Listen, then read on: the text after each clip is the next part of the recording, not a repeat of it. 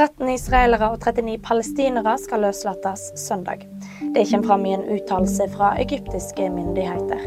Ifølge BBC innebærer avtalen mellom Hamas og Israel at 50 gisler skal frigis av Hamas, og 150 fengslende palestinere skal løslates fra israelske fengsler. Dette over en periode på fire dager med våpenhvile. Statsministerens kontor og toppbyråkrater innrømmer feil i Erna Solbergs aksjesak. Sentrale e-poster og dokumenter om Finnes aksjehandler ble lagt inn i et internt papirarkiv, og på den måten holdt skjult for offentligheten i over ti år. Det skriver E24. Dette gjorde de i stedet for å journalføre dem i tråd med loven, slik at de ble synlige for allmennheten.